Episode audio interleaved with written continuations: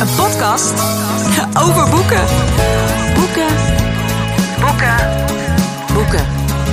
Boeken. Boeken. Allemaal boeken. Neem een kijkje in de verrassende collectie van boeken over leren in organisaties. Dit is de HRD Boekenkast.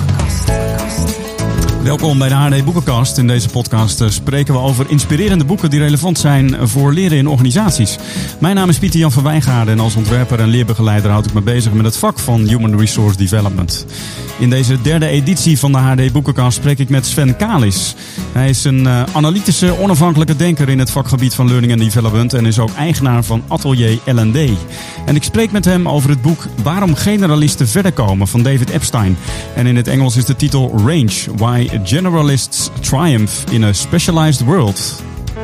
De juiste inspiratie voor op een zomerstrand, bij een knisperend haardvuurtje of gewoon gezellig onderweg. HRD Boekenkast. Sven, wat leuk dat je te gast bent in de HRD Boekenkast. Dankjewel. Ik vind u- het ook eh, mooi. Zit Wie had dat gedacht? Ja, precies. We raakten eh, op een eerder moment al in gesprek over dit boek. Dat was volgens mij een paar meter verder daar aan de bar van de Malibaan. We zitten nu in het eh, werkcafé. En we kunnen even lekker kletsen over een prachtig boek, denk ik. Want Mhm. ik was aanvankelijk over de titel een beetje sceptisch. Maar uiteindelijk toen ik het las, toen dacht ik wel van wauw, dat is toch wel heel gaaf. Maar laten we even bij jou beginnen. Wat maakt dat je er zo enthousiast over bent? Ja, dat komt eigenlijk vanuit eh, mijn jeugd, denk ik. Ik was overal altijd in geïnteresseerd. Van geschiedenis tot ehm, ja, biologie ook wel. Of economie, eh, financiën daarin. En ik wist eigenlijk nooit wat ik zou willen doen. Dus ik zei vroeger altijd tegen mijn moeder... die nu denkt, eh, neemt hij een boekenkast op? Heeft hij een boek gelezen? Dus zij zou ook trots zijn. Zei ik altijd, ik wil later gewoon met lullen mijn geld verdienen. Nu weet ik niet of ik hiervoor betaald krijg. Ik vind het heel leuk hoor. Maar ik was overal in geïnteresseerd. Toen ben ik de studie Learning and Development gaan volgen, omdat ik dacht: als ik weet hoe ik zelf kan leren, dan kan ik alles leren. En toen was het tijd om een minor te kiezen. En dan een minor is eigenlijk een soort van vraag: wil je gaan verdiepen of wil je gaan verbreden? En toen dacht ik: ja, wil ik nou meer gaan weten over L&D? Ik, ik ben er al een beetje mee bezig. En toen vond ik op de site vond ik de minor algemene ontwikkeling. Toen dacht ik, nou, ik kan die minor gaan volgen, dan krijg je heel veel kennis. Maar waarom wil ik dat? Of wat kan ik daarmee? En toen ben ik gaan zoeken op, op van welke boeken sluiten erbij aan. En toen vond ik het boek Waarom generalisten verder komen. En dat boek heb ik eigenlijk parallel aan die minor gelezen, waarin ik allerlei dingen leerde over geschiedenis, ehm, over astronomie, over eh, Deventer zelf bijvoorbeeld, waar de, waar de minor zat. En toen was ik ook het boek erbij aan het lezen. Toen dacht ik, wauw, wat, wat is dit interessant. En waarom ik enthousiast ben over het boek... is omdat David Epstein eigenlijk op een hele leuke manier... allemaal onderzoeken aanhaalt. En dat het allemaal mooie verhalen zijn. Ja, jij zei 324? 324 onderzoeken haalt Bizar, hij aan. ja. Maar dat- het voelt helemaal niet alsof het een heel zwaar stuk is. Hij neemt je Het is eigenlijk... helemaal niet zwaar, Nee. het leest als een trein. Ja. Maar juist ook door die concrete voorbeelden. Ja. Nou, misschien is hij wel de voorloper van verhalend veranderen geweest. Want hij brengt dat heel mooi in kaart. En dat zet je eigenlijk aan om heel erg anders gaan na te denken over bepaalde trends in gebieden. Maar ook wat er nu in de maatschappij gebeurt. Ja. Ehm, Daar komen we straks even Ja. op, eh, Sven. Maar wat ik wel leuk vind om te horen is eigenlijk... eh, het boek is een beetje verweven met jouw eigen leerloopbaan. ja, Ja. En, en dat je dan zo'n minor kiest. eh, eigenlijk precies vanuit de, de overwegingen die Epstein ook beschrijft in zijn boek. En dan tegelijkertijd ook... zeg maar het kiezen van die minor... wordt voor jou eigenlijk bijna een soort onderwijskundig onderzoek. Ja, ja. Om- om- omdat je zeg maar, dit boek er een beetje parallel aan leest. Dus het, het is, je, je doet een, iets op een aantal lagen. Ja. Je kiest gewoon voor de, voor de generalist. Mhm. Maar tegelijkertijd doe je ook een onderzoek naar, tenminste zo, zo door dat boek te lezen en met het thema bezig te zijn. Want wat maakt nou dat generalisten, dat, dat, ja, dat, die, dat die van waarde zijn voor de maatschappij. En dat het belangrijk is om generalisten op te leiden.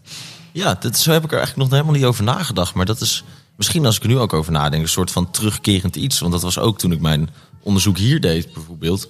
Wou ik het ook weer een doosje in een doosje gaan doen, eh, interviews doen. En vanuit mijn eigen interviews weer zelf onderzoek doen naar hoe het beter kon gaan. Eh, dus, dus leuk dat je dit zegt, maar eigenlijk is het op meerdere lagen. Ja, ook een zelfonderzoek erbij. Terwijl Je je, hebt, kennis eh, je hebt bij Kessels en Smit onderzoek gedaan, hè? Daar Mhm. kennen wij elkaar van. Ehm, misschien ook wel leuk, eh, ja, voordat we de, helemaal dat thema van het boek induiken. Maar ik ben ook wel benieuwd, hoe is het nu met jou? Ben je momenteel leuke dingen aan het doen? Wat zijn thema's in het vakgebied waar je momenteel mee bezig bent? Wat zijn, wat zijn projecten misschien waar je over wil vertellen? Wie is eh, Sven in ARD-land? Wie is Sven in zijn professionele zin na al zijn zelfonderzoek? Hè? Nou, ik ben nu bezig samen met een eh, studiemaat van mij, of een oud studiemaat. We zijn allebei afgestudeerd, Dirk Huijink. En eh, ook nog een studievriendin, Harmke Geverink.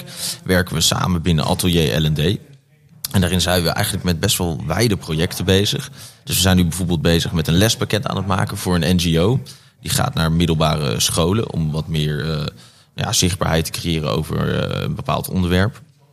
Eh, dus dat is heel leuk. Tegelijkertijd ben ik ook nog bezig met eh, trainingen geven. En dat is echt wel een beetje op het gebied van sociale vaardigheid. Dus het gaat over assertiviteit, persoonlijke presentatie en spreekvaardigheid. Maar ook helder schrijven. Dus eigenlijk ook een beetje hoe kom je duidelijk over en nou, hoe ben je ook weerbaarder. Ja.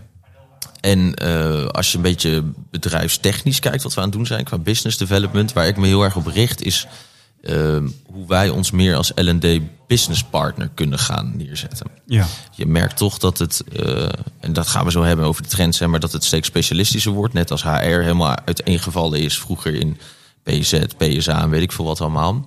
Is dat toch heel veel MKB'ers hebben geen staf, geen L&D-staf. Nee. En die willen toch eh, ja, hulp met het meedenken vanuit de strategische doelen tot aan de uitvoering Ja. met eh L&D. Dus ik ben ook weer middels dat ik dat boek weer heb gelezen een beetje aan nadenken van hoe kan je dat nou goed neerzetten dat je vanuit alle lagen meedenkt met L&D. Maar niet elke oplossing vraagt alleen maar om een L&D-gerichte aanpak. Nee, er zijn ook nee. altijd andere facetten. Zou je kunnen zeggen dat wij in een generalistisch vakgebied ons begeven? Ik denk dat het wel heel erg Ja. zo is, omdat het heel Ja. veel eh, raakvlakken heeft met eh, alles eigenlijk. Hè? Psychologie, maar ook menselijke omgang eh, daarin, maar mensen iets leren. Je hebt er zoveel facetten in, Ja. van overdracht tot tegenoverdracht, naar projectie, eh, eh, naar verre overdracht, of je het Ja. ergens anders kan toepassen. Ik leerde altijd van Jozef in onze lichtgang dat zeg maar, wat voor ons vak belangrijk is, is professioneel analfabetisme. Dus dat, zeg maar, dat leidt namelijk tot nieuwsgierigheid. Dat je gewoon ook niet, dat je, dat je, dat, je- dat je vak juist niet beheerst. Maakt ook dat je er beter naar kunt kijken. Ah, ja. En, en dat heeft natuurlijk ook wat te maken met. Maar zelf was ik geneigd om onderwijskunde wel als specialisme te beschouwen.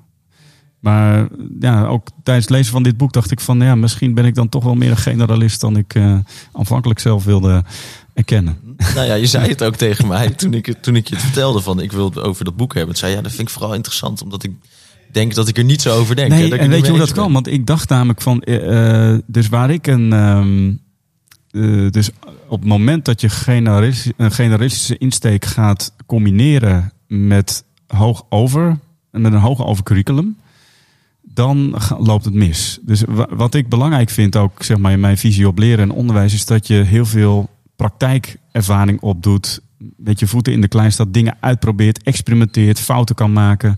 Maar het leuke aan dit boek vind ik eigenlijk dat, dat Epstein combineert dat eigenlijk. Want mijn beeld als een beetje generalisten is een beetje net als een brede bachelor. Hè? je, je doet eigenlijk niks. Maar je, je leert over alles. Maar alles is zo algemeen dat het ook bijna weer niks is. En ik, denk, ik dacht altijd van, je kan maar beter gewoon even een vak leren of ergens instappen. En van daaruit je verder ontwikkelen. Maar dat is eigenlijk precies wat Epstein ook bedoelt met generalisten. Dus het, je zou naar een generalist ook wel kunnen kijken als een steeds veranderend specialisme of zo. Of dat je je specialiseert eerst in de tennis en dan in de voetbal. Want hij gebruikt ook heel veel sportvoorbeelden. Hè? Ja, zeker. En muzici ook, ook erin. En dat is, dat is ook een beetje. Dus de, de titel zegt misschien waarom generalisten verder komen. Eh, het zijn nog steeds heel vaak specialisten, maar die ook generalistisch kijken. Precies. Die ja. Kijken naar andere domeinen. Ja. Dus het is niet dat je dat, je dat afschiet Nee. of zo. Nee. Dat was misschien eerder. Nou, nee, dus mijn overweging was meer een, denk ik, een eh, onderwijskundige insteek van, goh, kies je voor veel theorie, dat vind ik generaliserend, of kies je voor zo snel mogelijk de praktijk in. Dat je iets onder de vingers krijgt, of eh, in de vingers, onder de knie, en dat je vanuit daar eigenlijk je verder ontwikkelt. En dat dat eerst, weet je, dat je eerst even een courier bent en dan doorgaat naar eh, iets heel anders, eh IT'er of iets dergelijks. Dat, ja, dat vind ik juist wel leuk aan deze tijd, dat die loopbanen zo verschillend worden. En dat je al die kennis opdoet in je rugtasje. Waarmee je dus volgens mij dan juist een generalist wordt of eh, met verschillende specialismen ook andere vraagstukken kunt ondersteunen. Ja, zeker. Waardoor je uh, flexibel kan bewegen door deze uh, kenniseconomie. Die steeds meer veranderend is met alle AI-tools ook die er zijn. Je Ja. weet ook niet meer wanneer je misschien overbodig wordt in je baan. Dus het is eigenlijk wel een must. Precies, precies. Ja. Hey, neem ons eens mee in het boek. Wat, wat, wat, wat is de lijn die Epstein volgt? Of, of waar gaat het precies over? Ja, we, we, we scheren er een beetje langs Mhm. nu, maar ehm, Ik kan wel eh, beginnen bij het begin. Hè? ja. Zeg normaal, begin with the end in mind. Die, dat hebben we nu eigenlijk al een beetje besproken natuurlijk. Ja. Hij begint eigenlijk met de Tiger eh, versus de Roger methode. Tiger heeft het over Tiger Woods en Roger over Roger Federer. En Tiger Woods kreeg toen hij zeven maanden oud was een golfclub in zijn handen. En eh, zijn vader zei, ga maar proberen te slaan. En op zijn tweede jaar won hij al een toernooi eh, voor kinderen onder de team. ja. Ik begreep ook dat daar die 10.000 u- uren regel onder andere ook vandaan komt. Hè? Van Tiger Woods, die dus 10.000 uur ergens in aan trainen is. En daarom ook goed wordt. Eh, ja, dat was aanvankelijk zeker. de veronderstelling tenminste. Maar daar doet hij nog wel iets leuks mee, die Epstein. Eh, nou ja, wat, wat hij daarmee doet, is eigenlijk de Roger Federer methode tegenover Ja. zetten. En Roger Federer die, die, die speelde eerst basketbal, tennis, eh, squash, skiën, van alles. En die stak niet zoveel uren in doelbewust oefenen. Nee. En Tiger Woods was heel doelbewust aan het oefenen. Dan zijn slag, dan het Ja. eruit chippen, dan het putten. En Roger Federer die eh nou, klote maar een beetje aan eigenlijk, als je het zo kan zeggen. En die ging pas later echt specialiseren en doelbewust oefenen. Ja. En wat hij daar, dus hij, hij stelt het naast elkaar. En wat ze daaraan koppelen is het leren in een bepaald soort wereld. Ja. En ze zeggen eigenlijk dat je een vriendelijke leeromgeving hebt of een vriendelijke wereld. En daarmee bedoelen ze dat alles wat je doet, dat je daarvan snel feedback krijgt. Dus dat je gelijk weet eh, eh, hè, van hoe je het kan corrigeren. Ja. Maar dat de componenten of de, de regels daarin ook eh, vaststaan. Ja. En dat kan je bijvoorbeeld koppelen aan schaken. Ja. Of koppelen aan golfen. Als Ja. jij de bal slaat en hij gaat een beetje te ver naar links... terwijl je voor jouw gevoel rechtdoor slaat... dan weet je dat Heb je er- meteen feedback. En, heb je meteen ja. feedback. Weet je dat er wind is. Bij schaken ook. Iemand kan maar een bepaald aantal zetten zetten. Dat kan jij ook zien. Dus dat weet je al. Dus het is heel duidelijk wat er allemaal gebeurt. En je hebt een boosaardige omgeving. In een boosaardige omgeving krijg je eigenlijk niet snel feedback. Weet je niet wat er eh, gebeurt. Moet je hele complexe besluiten maken. Ehm, neem het voorbeeld van het OMT. Ze moeten op basis van heel weinig informatie, van dingen die ze niet weten, moeten ze besluiten gaan maken. Ja. En ze zeggen eigenlijk dat als je in een vriendelijke leeromgeving of daarin een baan hebt, eh, dat dan het toereikend is om de Tiger-methode toe te passen. Dus doelbewust oefenen heel vaak hetzelfde. En Dan is het een soort patroon. In de andere wereld, een boosaardige wereld waar wij nu misschien wel in leven, met hele complexe structuren, zegt ze eigenlijk dat het ehm, beter is om toch eh, een andere manier van leren aan te wenden. Dus ook, ook maar een beetje aan te modderen, overal te kijken. Omdat al die dingen op die verschillende domeinen die je leert, je kunnen helpen in je besluitvorming. Ja, dat is ook wel echt volgens mij een stelling die die inneemt. Hè? Van als we generali- generalisten opleiden die op verschillende plekken eigenlijk verschillende kennis opdoen, dan leidt dat tot een, uiteindelijk tot een soort integratie van op een andere manier kijken naar die vraagstukken in die boosaardige wereld. Ja, dat leidt ze eigenlijk tot inzichten waarin je als je in een, alleen maar in een domein zit niet tot komt. Ja, en die mensen hebben nu juist nodig. Want op dit moment leven we in een boosaardige. Ja, ik vind eigenlijk een leuke omgeving ook wel hoor. Tenminste, natuurlijk, corona is wel boosaardig. Maar het stelt ons ook weer voor nieuwe vraagstukken die inderdaad niet meteen een oplossing voor handen hebben. Dat, ook in mijn vak vind ik dat wel leuk. In de organisaties werken aan dat soort vraagstukken. Dus term boosaardig is dan een beetje vreemd. Maar Mhm. eh, hij zegt wel, in die omgeving is het dus ook belangrijk om generalisten te hebben. Ja, zeker. Ja, omdat generalist te zijn. van- van- overal kunnen ze informatie vandaan halen die toch net een andere oplossing biedt. Een creatievere oplossing, eh, een oplossing waar specialisten die op één domein zitten bijvoorbeeld helemaal niet uitkomen. En dat is denk ik wel heel belangrijk om te doen. Ik, ik pak hem even bij. Wat hij bijvoorbeeld zegt is dat ehm, die 10.000 euro- uren regel heeft eigenlijk een systeem gecreëerd van parallele loopgraven. Waarin mensen geen moeite nemen om in de naastgelegen loopgraven te gaan kijken. Ook al ligt de oplossing daar. Dus het, het, biedt, het is bijna een soort van hyperspecialisatie die leidt tot bekrompenheid. Ja. Oogkleppen eigenlijk ook. Oogkleppen, ja. Ja, ja, wat best ja. gevaarlijk kan zijn. Ja. Omdat ze zelf zeggen dat overspecialisatie kan leiden tot de grootste tragedies. Zelfs wanneer elk mens naar redelijkheid handelt voor Ja. zichzelf. Ja. Zoals de bankaire crisis in 2008. Ja. Ja. Ehm, Hey, jij hebt dit boek gelezen parallel aan jouw minor hè, destijds. En, en eh, wat merkte je? Eh, ging je andere keuzes maken? Of ging je anders met die minor om? Wat ik ging doen was de informatie die ik daaruit haalde, vooral proberen toe te passen op eh, mijn eigen vakgebied. Dus, dus het LD. Dus we kregen bijvoorbeeld dingen over geschiedenis. Ging ik nadenken van, oh, eh, bijvoorbeeld over Hitler en zijn groep om zich heen. Je hebt daar ook nog een Netflix-serie over, maar wij werden daar ook over uitgelegd. En dat liet heel mooi zien hoe die machtsposities bijvoorbeeld werken. En hoe Ja. mensen om de baas heen eigenlijk bewegen. Dat kan je best wel mooi trekken naar organisaties. Naar hoe je toch in sommige organisaties een hielelikker hebt. Of iemand die juist heel erg zijn best doet en niet wordt gezien. Ja. Ehm, en dat ging ik eigenlijk zo de hele tijd bekijken. Van hey, wat kan ik hier nou uit meenemen voor de toepassing eh op Ja, LND? Het was eigenlijk vakgebied. inspiratie om in je eigen vakgebied ook weer anders te kijken. Ja, nou dat. Ja. En behalve dat ik het ook heel interessant vind om heel veel te weten. Omdat Ja. ik er altijd wel in stond van, ik ga het ooit een keer gebruiken. Ja. Ja, dus ook gewoon lekker je nieuwsgierigheid volgen. Nou ja, gewoon Ja. lekker je nieuwsgierigheid volgen en daar ook voor openstaan. Dus als je geen grote mand meeneemt, eh, kan je ook niks mee eh, terugnemen. Dat zegt hij ook heel mooi in dit boek, eh, Ja. wat hij dan van iemand had gehoord. En Ja. daar geloof ik ook wel in. Ja. Dat je daar altijd open voor moet staan. Ja, om je mand te vullen met, Ja. met kennis en allerlei eh, anekdotes en inspiraties. eh. Ehm, eh, Epstein put veel uit sport, hè? En ook wel eh, kunst, muziek. Eh, dat, is, dat is mooi om te lezen en dat, dat ja, geeft ook inspiratie.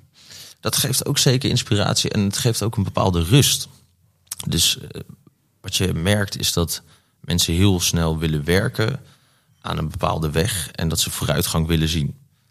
En wat hij bijvoorbeeld beschrijft ook is dat de eerste feedback die je krijgt voor vooruitgang eigenlijk een hele slechte bepaler is van hoe het later gaat verlopen. Hm.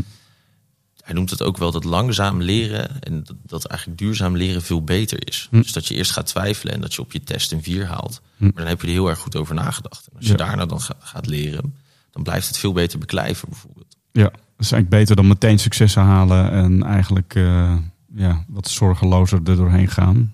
Het moment dat je eerst even wat, wat puzzelt en wat, wat verwarring en wat, wat faalt, dan stap je er meer in, ben je er meer mee bezig. Ja, dan, dan probeer je het denk ik ook ergens te vatten. Ja, Dus het is echt het begrijpen van diepere structuren en er uitleg aan kunnen geven eh, wat daarin heel belangrijk is. Dus ook als je kijkt naar je studie moet je soms gewoon maar een toets halen eh, en dan, dan weet je het, Ja. momentopname. Maar wat weet je dan echt? Ja, je kan kennis reproduceren. Blijft het ook beklijven? Is het duurzaam? Dat is dan nog de vraag. En kan je het bijvoorbeeld toepassen op andere domeinen? ja, Dus hij schrijft eh, er ook over dat als je in die vriendelijke wereld, laten we maar even zeggen, als waarin je heel bewust, doelbewust gaat oefenen, als daar in de situatie verandert, dat je het dan opeens niet meer weet. nee, Dus ze hebben bijvoorbeeld eh, schaak, grote schaakmeesters hebben ze dat gedaan. Die hebben ze een bord laten zien, een schaakbord op een vrachtwagen die langs reed. En dan de schaakgrootmeesters kregen drie seconden om dat bord te bekijken. En daarna moesten ze zelf die, al de stukken op de goede plek zetten. Nou, dat konden ze, dat konden ze gelijk doen. ja, En toen kwam de andere kant van de vrachtwagen, die kwam eh, aanrijden. En daar stond eigenlijk een, een eh, spel op met allemaal stukken, wat nooit werd gespeeld zo. nee, En toen konden ze het opeens niet meer reproduceren. nee, Wat blijkt dus, is dat die mensen die heel doelbewust oefenen in van die vriendelijke omgevingen, patronen gaan herkennen. ja, En die patronen eigenlijk opdelen in kleine stukjes, waardoor ze ze het kunnen onthouden, chunken eigenlijk. En dat is natuurlijk vrij apart, want je denkt dat iemand een genie is en een grootmeester, maar als er één klein dingetje verandert, dan is dat toch opeens. ja dus iemand is vooral een genie of een grootmeester op dat vakgebied dan. Ja, ja, Of op het herkennen van patronen. Zo geeft hij ook voorbeelden over brandweerlieden in het herkennen van vlammen. ja, Het kan er ook toe leiden, dus dat als er één ding verandert en je gaat putten uit je ervaring, dat je er opeens niet meer zoveel aan hebt. ja, Dus de vraag is eigenlijk ook voor dit vakgebied van hoe zorgen we ervoor dat kennis flexibel wordt? En hoe zorgen we voor verre overdracht? Wat eigenlijk inhoudt, hoe krijg je het van het ene domein ook naar het andere toe? ja. Hoe maak je het interdisciplinair? Ja. Ja. Ja, dus dat, dat zijn vraagstukken natuurlijk die in de maatschappij spelen. En denk ik ook in de eh, opvoeding of de studies van, van onze kinderen en jongeren. Die zeg maar echt eh, zich voorbereiden op een, eh, op een plek in eh, een arbeidsplek in de maatschappij. Maar het zijn ook vraagstukken die binnen organisaties leven. Hoe kunnen we kennis delen tussen vak, vakgebieden, afdelingen, teams? Mhm. En dan moet ik ook wel meteen denken aan onderzoek wat bijvoorbeeld uh, volgens mij ook door Chip is gedaan van leren in netwerken. De social capital um, uh, theorie die daarbij hoort van het moment dat het ook lukt om, om linking en bridging relaties te creëren, dan leidt het ook tot de kans dat er meer innovatieve producten ontstaan, nieuwe oplossingen. Um, dat is natuurlijk ook iets waar wij als L&D'ers een rol in kunnen spelen. Zeker. En ik denk dat dat uh, begint bijvoorbeeld bij structuren. Dus niet alles in gaan delen in kokers of, of segmenten. Dus lekker over die loopgraven heen gaan kijken met z'n allen. Dat, dat is een heel belangrijk ding. En je moet eigenlijk de remmingen ervan afhalen. Dus bij doelbewust oefenen ga je bijvoorbeeld op zoek naar het corrigeren van fouten. Dus je gaat op zoek naar fouten en die wil je corrigeren. Ja. Ik sla net niet goed. Of, ja. nou, um, Terwijl als je bijvoorbeeld muzici onder, zijn onderzocht die gewoon gingen improviseren. Het schijnt dat de gebieden in de hersenen die voor remming uh, zorgen of, of, voor angst of dat soort dingen, dat die eigenlijk helemaal niet actief zijn. Dus die mensen voelen zich vrij, waardoor de mooiste creatieve oplossingen, creatiefste oplossingen ontstaan. Um, ik hoorde laatst ook de term even, even, lummelen gewoon met z'n allen hè, en kijken wat er, wat er maar uitkomt. Ik denk dat dat hele belangrijke dingen zijn. Dus in de structuur om te Ja. doen, maar ook om uh, dus in het klein dat gewoon aan te bieden bij je organisatie. Ga gewoon eens een dag meelopen ergens bij een andere afdeling. Kijk eens wat. Uh, Dus dat er ook plekken zijn in het bedrijf of in je organisatie waarin je even zonder een bepaald doel of met spelregels ook even vrij kunt denken, vrij kunt spreken, kunt improviseren. En dan maar eens kijken wat er ontstaat. ja, dat Ja. Is, het is misschien een soort van improvisatie, theaterdag uh, Ja. binnen je organisatie, wat heel leuk kan zijn. Ja.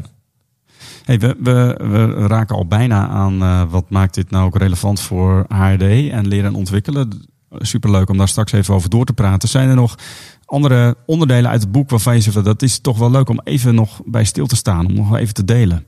En we bevelen natuurlijk het boek ook van harte aan om zelf te gaan lezen. Maar er staan zoveel voorbeelden in. Misschien is er nog één of zijn er nog een paar waarvan je zegt van die zijn wel echt even leuk om nog te noemen. Vroeger was ik altijd bezig met uh, kan ik nou iets nieuws creëren voor mezelf. Dus ik had altijd gedachten, maar ik kon ze nog niet zo sturen dat ik ze kon vormen naar een nieuwe gedachte. Dus een, een boek erover schrijven of een nieuwe theorie bedenken. Ik merk dat het nu steeds beter lukt. En door het lezen van dit boek uh, kwam ik een verhaal tegen wat ik heel mooi vond. En dat ging over Johannes Kepler. Dat is een onderzoeker die eigenlijk de soort van de vader van de astronomie dan is in, in zijn manier van denken. En uh, vroeger de oude Grieken, de filosofen, hadden eigenlijk gezegd over de ruimte dat de planeten als een soort klok, klokwerk uh, om elkaar heen draaiden en dat ze bestonden uit kristallen bollen. En dat de hemel onveranderlijk was. Hm. Johannes Kepler ging kijken naar de hemel en zag opeens een supernova en een, uh, een ster die explodeert. En hij zag een komeet. En hij dacht, hoe kan het nou dat die kristallen bol niet kapot is door die komeet? Hm. En toen is hij gaan nadenken van hoe... Uh, ja, waarom bewegen planeten dan uh, die verder van de zon zijn ook langzamer? Maar hoe bewegen ze überhaupt? Wat, ja. wat, wat is daar de kern van? En wat hij ging doen, was het denken uh, vanuit analogieën. Omdat er eigenlijk niet genoeg kennis was om ergens een beginpunt te vormen voor hemzelf, behalve de kennis in de wereld. Mhm. Mm -hmm. Uh, dus hij ging denken in analogieën. En waar, waar hij eerst aan dacht was bijvoorbeeld geuren. Geuren en warmte. En geuren en warmte vervliegen voorspelbaar genoeg naarmate ze verder zijn van de bron. Ja, logisch. Logisch. Dus hij dacht van, heeft het daar misschien iets mee te maken? Toen ging hij denken aan, uh, aan de zee en kolken in de zee. Ja, in een draaikolk ook. Is als je verder zit, gaat het langzamer. Net zoals je de glijbaan in Duinrel afgaat. Dan ga je eerst langzamer. Hoe dichter je bij het midden komt, hoe sneller je gaat. Dus ging hij denken van, is er misschien een soort van wind of kolk die gecreëerd wordt door de zon dan? Toen dacht ik, nou, dat is ook, dat weet ik niet, dat is ook gek. En dat gebruiken van analogie is heel mooi om te komen tot nieuwe inzichten. Dus ze gebruikten het vroeger bij scheikunde, of nog steeds met hoe moleculen werken. Als ze botsen, dan kan je de analogie van een biljartbal gebruiken. Ja. En uh, ze gaan het nu steeds verder gebruiken bij andere dingen. Dus ja. ze hebben een.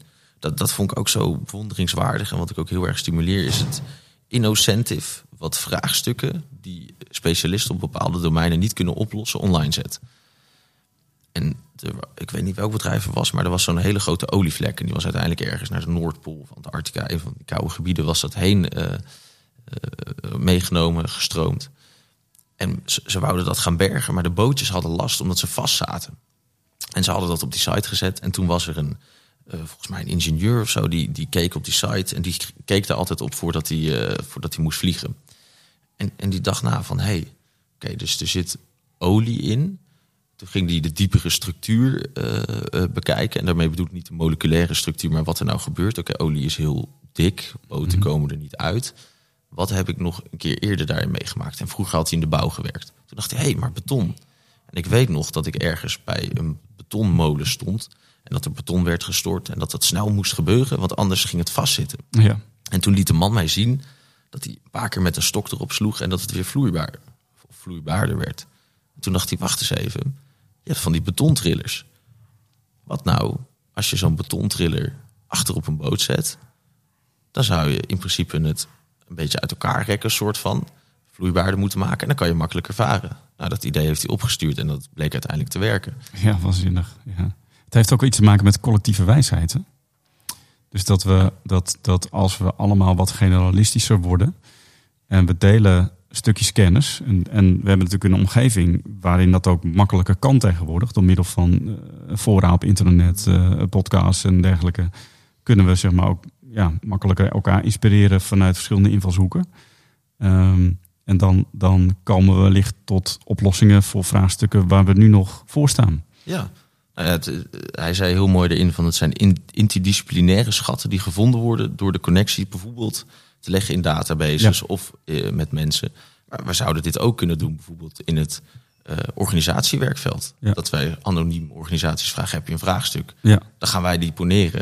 En dan gaan we gewoon mensen laten inbellen om te kijken of ze misschien een mogelijke Vanuit oplossing invalshoek, weten. bepaalde invalshoeken. Oh, maakt ja, niet uit wie het is. Het is ook wel hoopvol, hè? Dat je bedoel, we leven in een tijd waarin er veel speelt met, met oorlogen, klimaatproblematiek. En dat we denken van ja, vanuit één specifieke invalshoek eh, is het gewoon, ja, lijkt het onmogelijk om daar oplossingen voor te vinden. Dat er misschien toch op een gegeven moment zo'n ingenieur met zo'n betontrail idee komt. Van hé, hey, hier zouden we echt meters kunnen maken om CO2 te verminderen of, eh, of wat dat betreft. Iets, iets te bedenken. Dus Ja. we weten nog niet wat er niet bedacht is. En laten we hopen dat we door de generalisten, generalistische aanpak daar ook ja, wat, wat sneller in dat veld terechtkomen. Ja, dat we die schatten gaan vinden Ja. met z'n allen. Ja. Hey Sven, ehm, jij bent HRD'er. Eh ik ben wel benieuwd van hoe, hoe raakt dit thema aan ons vak van leren en ontwikkelen in organisaties? Hoe geeft het misschien ook inzicht in trends die in ons vakgebied spelen? Ja, wat er volgens mij gebeurt nu in ons vak is dat er steeds meer kennis komt. Ook hier dankzij Kessels en Smit natuurlijk en andere onderzoeken die er komen. En ik zie een soort gelijkenis in de trend die eh, HR doormaakte. Dus dat was eerst ook vrij bazaal. Ja, HR-functionaris die deed alles. Dus van het verlonen tot het eh, PSA, personeelszaken, tot de vertrouwenspersoon. En dat is uiteindelijk helemaal uit elkaar gevallen. Er zitten heel veel specialiteit in. L&D gaat nu datzelfde door. Je hebt binnen e-learning heb je ook al allemaal verschillende soorten experts die misschien werken met VR of 360 graden camera's tot. Nou, weet ik veel. je ziet het versnipperen. Ja, het is Ja. eigenlijk een soort subspecialisme die Ja. er ontstaan de hele Ja. tijd. Dat vraagt natuurlijk ook om specialistische eh, kennis van iedereen. Ja. Ik eh, ben heel slecht met techniek, dus ik kan die e-learning filmpjes niet maken. Ik kan misschien wel de didactiek bedenken en tekstjes over schrijven. En eh, je hebt natuurlijk gedragsveranderaars in het groot, cultuurveranderaars, Ja. v- grote verandertrajecten, kleine. En dat is wat er nu gebeurt. En ik denk dat dit boek ons leert dat naarmate dingen specialistischer worden, we moeten gaan waken voor ons eigen oordeel, omdat we alleen maar in ons eigen loopgraf zitten. Mhm. Dus dat het belangrijk is dat er ook generalisten zijn. Ja. Dat of iedereen generalist is, maar ook dat er zelf generalisten zijn die bijvoorbeeld sturing kunnen geven aan het geheel van L&D'ers. Die het geheel ook van ons vakgebied blijven overzien. En, en wellicht ook tussen de ja, deelvakgebieden die er ontstaan, ook eh, als het ware als een soort bij eh, van de ene bloem naar de andere bloem vliegen om aan wat kruisbestuiving te doen. Ja, nou ja, je Ja. bent er al mee bezig natuurlijk Ja. met eh HRD-podcast. Dus dat is denk Ja. ik heel goed. En ik denk dat dat soort dingen moeten blijven gebeuren om ook te kijken waar zitten linkjes. Maar ook andere vakgebieden er gewoon bij halen. En vind jij ook dat eigenlijk iedere specialist wat dat betreft ook een generalist zou moeten zijn? Of, of daar, Of zeg je van nee, er zijn ook specialisten en die moeten gewoon lekker een vakgebied blijven doen. En het is juist mooi als we die, die, die, die talenten of die karaktereigenschappen misschien ook wel juist lostrekken van elkaar. En het niet van één persoon allemaal verwachten.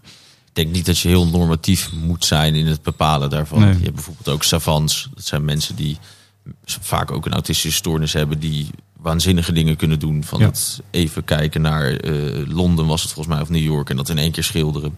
Bijvoorbeeld vanuit zijn hoofd. Dat ik denk niet dat je bijvoorbeeld dat soort mensen, maar ook mensen die echt ergens heel goed in zijn en daar alleen maar bezig mee zijn, moet willen remmen door kennis waar ze helemaal niet op zitten te wachten. Ik denk wel dat je ze kan ondersteunen door mensen erbij te zetten die wel hoog overkijken. Of ze in teams te zetten die hoog overkijken. Ja.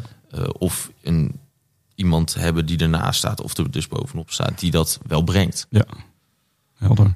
Hey, wat zou je collega HRD'ers willen meegeven vanuit dit boek? Zijn er misschien aandachtspunten, tips, suggesties of dingen om, om over na te denken? Nou, er zitten eigenlijk best wel interessante leertheorieën in. Dus de eentje is om over na te denken van dat, dat, dat snel leren, snel leren met gemak, eigenlijk zonder frustratie, eigenlijk een soort pijler is van uh, kan je beter niet doen, omdat het op de lange termijn. Precies, uh, dat, dat slow learning, waarin je eigenlijk eerst ook even een beetje vroet en, en faalt misschien. Mhm. Dat noemde je net al, dat is eigenlijk veel ja, duurzamer. Ja, het is eigenlijk een goede graadmeter als jouw uh, deelnemers aan een training gefrustreerd zijn, bijvoorbeeld. Of dat jouw werknemer gefrustreerd is omdat hij er niet uitkomt. Ja. Dan Omdat hij het dan zichzelf aan het eigen maken is. Je, hij is zich ertoe aan het verhouden, zou je kunnen zeggen. En uh, denkt er waarschijnlijk, het raakt, denkt erover na, is ermee bezig. Mhm. Ja.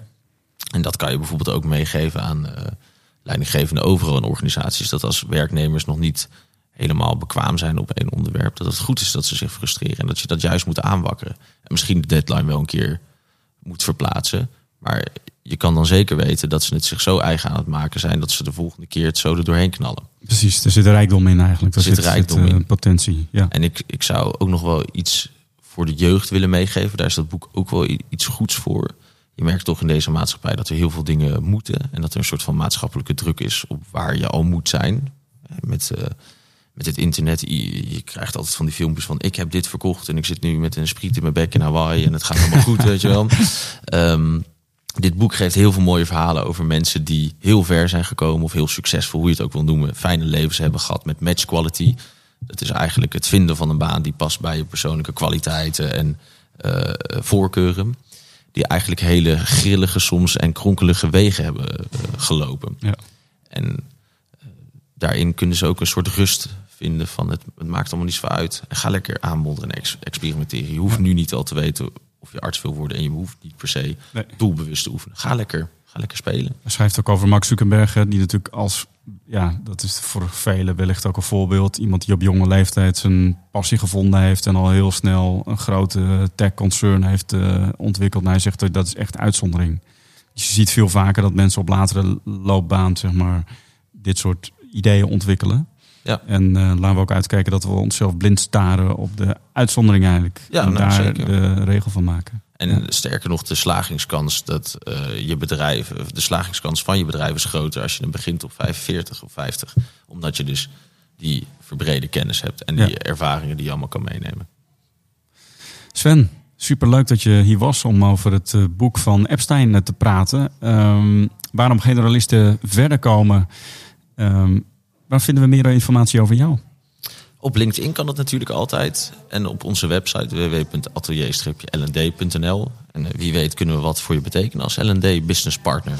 Op dit vakgebied. Want eh, we merken wel dat, het, dat jij daar aardig gepassioneerd over bent. Op, eh, eigenlijk dus op alle vakgebieden. Want niet één eh, LND-vraagstuk vraagt enkel om een LND-oplossing. Nee. Nou, super fijn dat je ons hebt aangestoken met dit enthousiasme. Dank voor het luisteren naar de HD Boekenkast. Heb je zelf een boek waarover je graag in gesprek wilt? Eh, laat het dan weten via reactie.hrdcafé.nl. En ehm, nou, je merkt, je hoeft ook niet auteur te zijn van een boek om erover te komen praten. Maar eh, ben je er enthousiast over, ben je er gepassioneerd over, vinden we het superleuk om er met jou over in gesprek te zijn. Volg ons op eh, Apple Podcast of Spotify. Je bent automatisch op de hoogte van onze volgende edities. Tot dan. Kessels and Smith. Broadcasting. Every story needs a cast.